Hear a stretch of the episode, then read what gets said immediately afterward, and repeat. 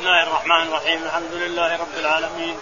وصلى الله على نبينا محمد وعلى آله وصحبه أجمعين.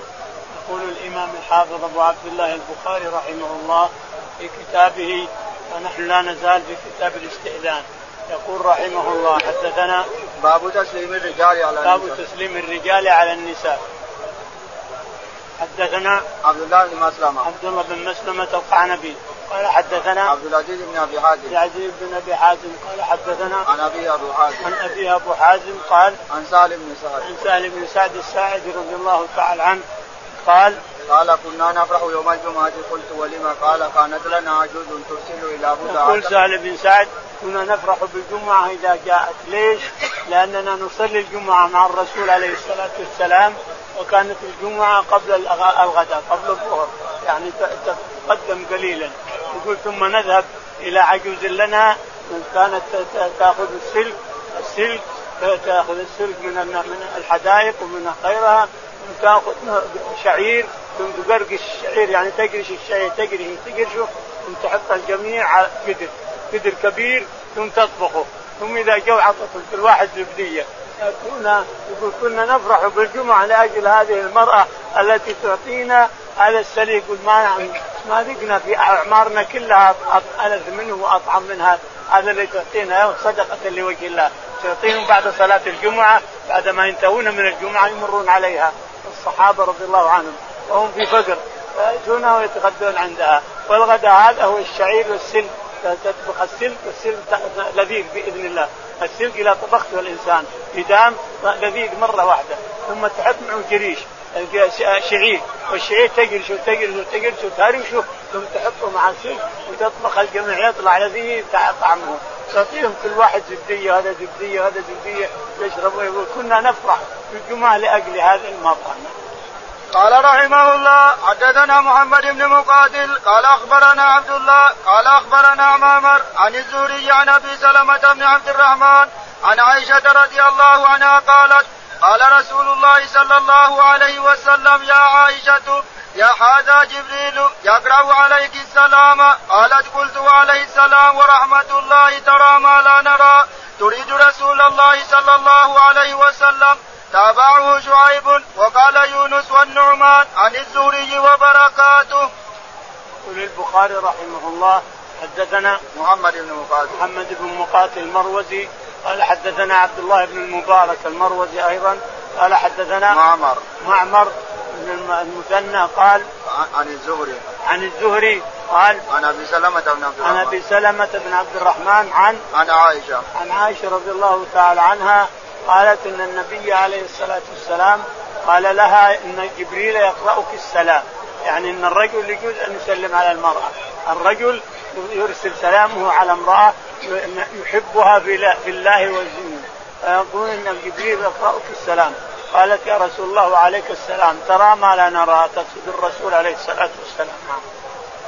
باب إذا قال من ذا؟ فقال أنا. قال حدث قال حدثنا أبو الوليد هشام بن عبد الملك. قال حدثنا شعبة عن محمد بن المنقدر. قال سمعت جابر رضي الله عنه يقول أتيت النبي صلى الله عليه وسلم في دين كان على أبي. فدققت الباب فقال من ذا؟ فقال فقلت أنا. فقال أنا أنا. كأنه كرهها.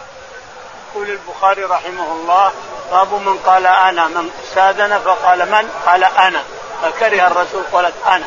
فلان. تقول أنا فلان مرحبا. أنا تتبع فلان بن فلان. أو بلاش من أنا. تقول أنا فلان بن فلان. خلاص يكفي. أما تقول أنا وتسكت أنا منه. أما أنا منكرة. أنا لفظة منكرة. من هو أنا؟ أنا كل الناس أنا.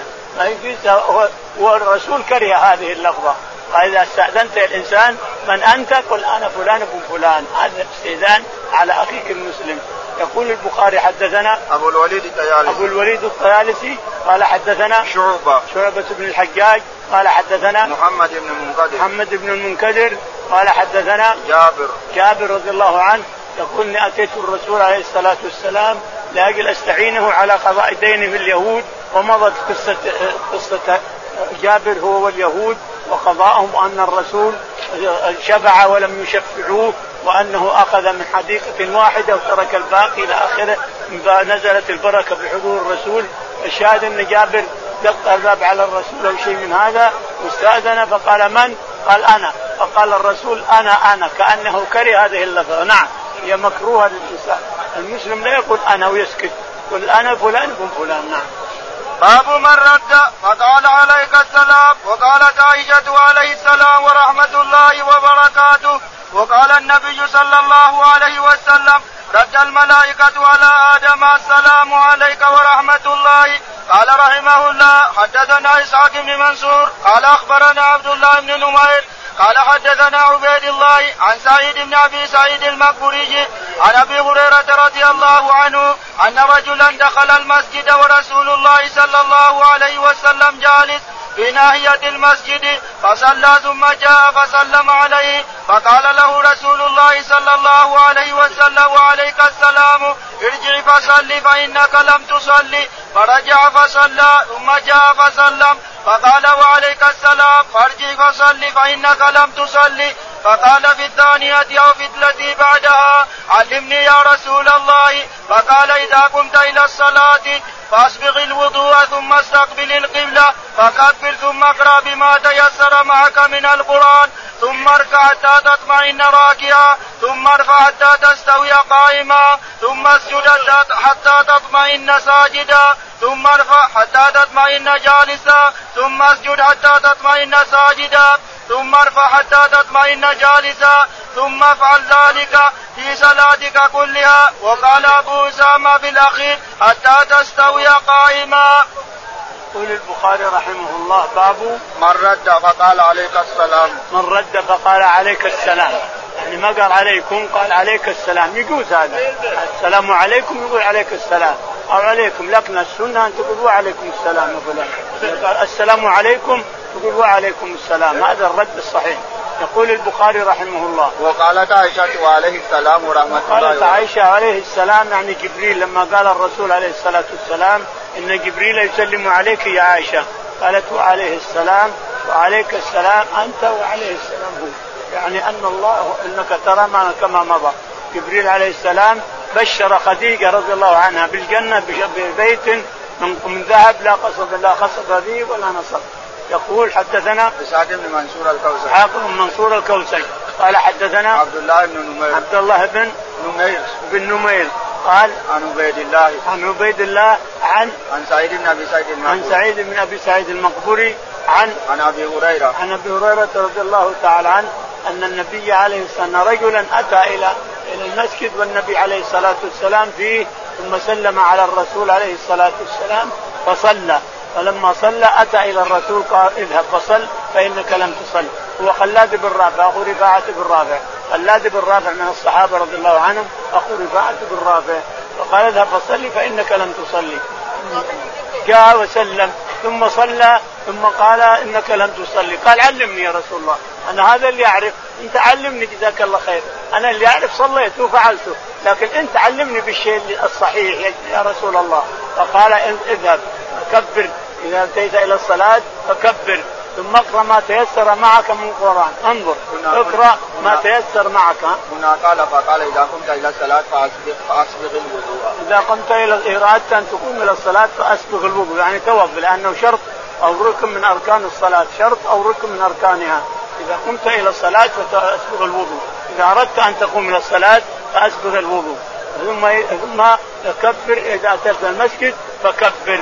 فإذا كبرت فاقرأ ما تيسر معك من القرآن. لاحظ اقرأ ما تيسر معك من القرآن، الشيء اللي تعرفه من القرآن اقرأه، يعني ما أنت ملزم بالفاتحة تقرأها، الفاتحة صحيح إنها ركن، لكن إذا كان ما يعرفها ماذا يفعل؟ يفعل يقرأ من أي أي سورة أي آية من السور، يقرأ أي آية يحفظها يقرأها، ما تعرف قرآن نهائيا سبح وهلل وحمد، سبحان الله والحمد لله والله أكبر. سبحان الله والحمد لله يكفيك هذا أيضا. سبح. وهلل وكبر إذا كنت ما تعرف من القرآن شيئا اطلاقا؟ فالتسبيح يكفيك الإنسان. وأنت قائم يكفيك الإنسان. سبح وأنت ساجد وراكع وكاذب فأتى الرجل الرجل وصلى فلما أتى إلى الرسول قال علمني يا رسول الله. هذا اللي أعرف أنا. علمني. في التعليم التوجيه. لأن النبي عليه الصلاة والسلام ما علمه حتى سأل. لأنه إذا علمه بدون سؤال ضاع.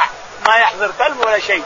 لكن إذا سأل قال علمني معناه أن قلبه حضر وفهمه حضر وذهنه حضر عند السؤال فأخبره الرسول عليه الصلاة والسلام قال إذا قمت إلى الصلاة فاسبغ الوضوء ثم كبر فاستفقر ما تيسر معك من القرآن ثم اركع حتى تطمئن راكع تطمئن لأن الطمأنينة ركن من أركان الصلاة.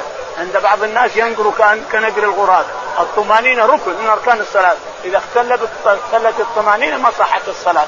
لأن الركن اذا اختل إذا طاح العمود لا يصح الخيمة لا يمكن أن تنبني الخيمة. فالركن أنه يمسك جانب الصلاة. يقول إذا قمت إلى الصلاة فكبر ثم اركع حتى تطمئن راكعا ثم ارفع حتى تطمئن قائما يرجع كل خرج إلى ثم اسجد حتى تطمئن ساجدا ثم اجلس حتى تطمئن جالسا ثم اسجد حتى تطمئن ساجدا ثم افعل ذلك في صلاته كلها. علمه تسليمة تكبيرة واحدة ركعة واحدة كاملة تكبيرة والركوع والرفع من الركوع ثم السجود ثم الجلوس من السجود ثم السجود الثاني هذه ركعة. علمه ركعة خلاص ابن على هذه كل ركعة اعمل بها هذه هذا العمل. فعلمه جميع الصلوات. والشاهد إن الرسول عليه الصلاه من عادته عليه الصلاة والسلام أن لا يعلم أحد ولا يوجهه إلا إذا سأل، ليش؟ لأنه إذا وجهه ينسى ما يدري وش يقول، لكن إذا سأل أخبرني يا رسول الله، علمني يا رسول الله، معناه إنه حضر قلبه وحضر ذهنه وسيحفظ ما يقال له، فعلمه الرسول عليه الصلاة والسلام ركعة كاملة من أولها إلى آخرها، قس على هذا. الركعه كاملة قس عليها. الركعات في الظهر ولا في العصر ولا في المغرب ولا في العشاء ولا في الفجر على الركعة هذه قس عليها تفعل هذا الفعل. اعمل ذلك في صلاتك كلها. كل الصلاة تفعلها كلها. نعم. قال رحمه الله حدثنا محمد بن بشار قال حدثني يحيى عن عبيد الله قال حدثني سعيد عن أبي عن أبي هريرة قال قال قال النبي صلى الله عليه وسلم ثم ارفع حتى تطمئن جالسا يقول البخاري رحمه الله حدثنا محمد بن بشار. محمد بن بشار بندار قال حدثنا يحيى. يحيى. قال حدثنا سعيد بن أبي سعيد. سعيد بن أبي سعيد المقبوري قال عن أبيه. عن أبيه عن أبي هريرة رضي الله عنه. انظر سعيد أحيانا يروي الولد عن أبي هريرة راسا وأحيانا يروي الولد عن أبيه عن أبي هريرة. لأن السند أحيانا يصير عن ابو عن أبيه وأحيانا يصير عن الولد إلى آخره. الشاهد قال عن أبي هريرة. أن النبي عليه الصلاة والسلام قال ثم ارفع حتى تطمئن جالسا. ثم ارفع يعني بصلاة المسيء إلى صلاته ارفع إذا كبرت في الركوع وكبرت ثم ارفع حتى تطمئن راكعا. وإذا سجدت ارفع حتى تطمئن جالسا إلى آخره. نعم. باب إذا قال فلان يقرئك السلام قال رحمه الله حدثنا أبو نعيم قال حدثنا زكريا قال سمعت عامرا يقول حدثني أبو سلمة بن عبد الرحمن أن عائشة رضي الله عنها حدثته أن النبي صلى الله عليه وسلم قال لها إن جبريل يقرئك السلام قالت وعليه السلام ورحمة الله. يقول البخاري رحمه الله باب باب إذا قال فلان يقرئك إذا قال فلان يقرا يقرأ عليك السلام أو يقرئك السلام كلها واحد. يقرأ عليك السلام أو يسلم عليك يقرئك السلام. حدثنا حدثنا أبو نعيم. أبو نعيم. قال حدثنا زكريا. زكريا قال عن عامر الشعبي. عامر الشعبي قال عن أبي عن ابي عن أبي سلمة بن عبد الرحمن. عن أبي سلمة بن عبد الرحمن بن عوف قال عن عن عن عائشة. عن عائشة رضي الله تعالى عنها أن النبي عليه الصلاة والسلام قال لها يا عائشة هذا جبريل يقرئك السلام. ومرة ثانية قال لها هذا جبريل يقرأ عليك السلام. تقول وعليك السلام. أنت أنت ترى ما لا نرى يا رسول الله. هذا جبريل يقرئك السلام هذه مرة. والمرة الأولى هذا جبريل يقرأ عليك السلام يا عائشة. نعم. باب التسليم في المجلس فيه اللهم اهدنا فيمن هديت وعافنا فيمن عافيت تولنا فيمن توليت. اللهم توفنا مسلمين والحقنا بالصالحين.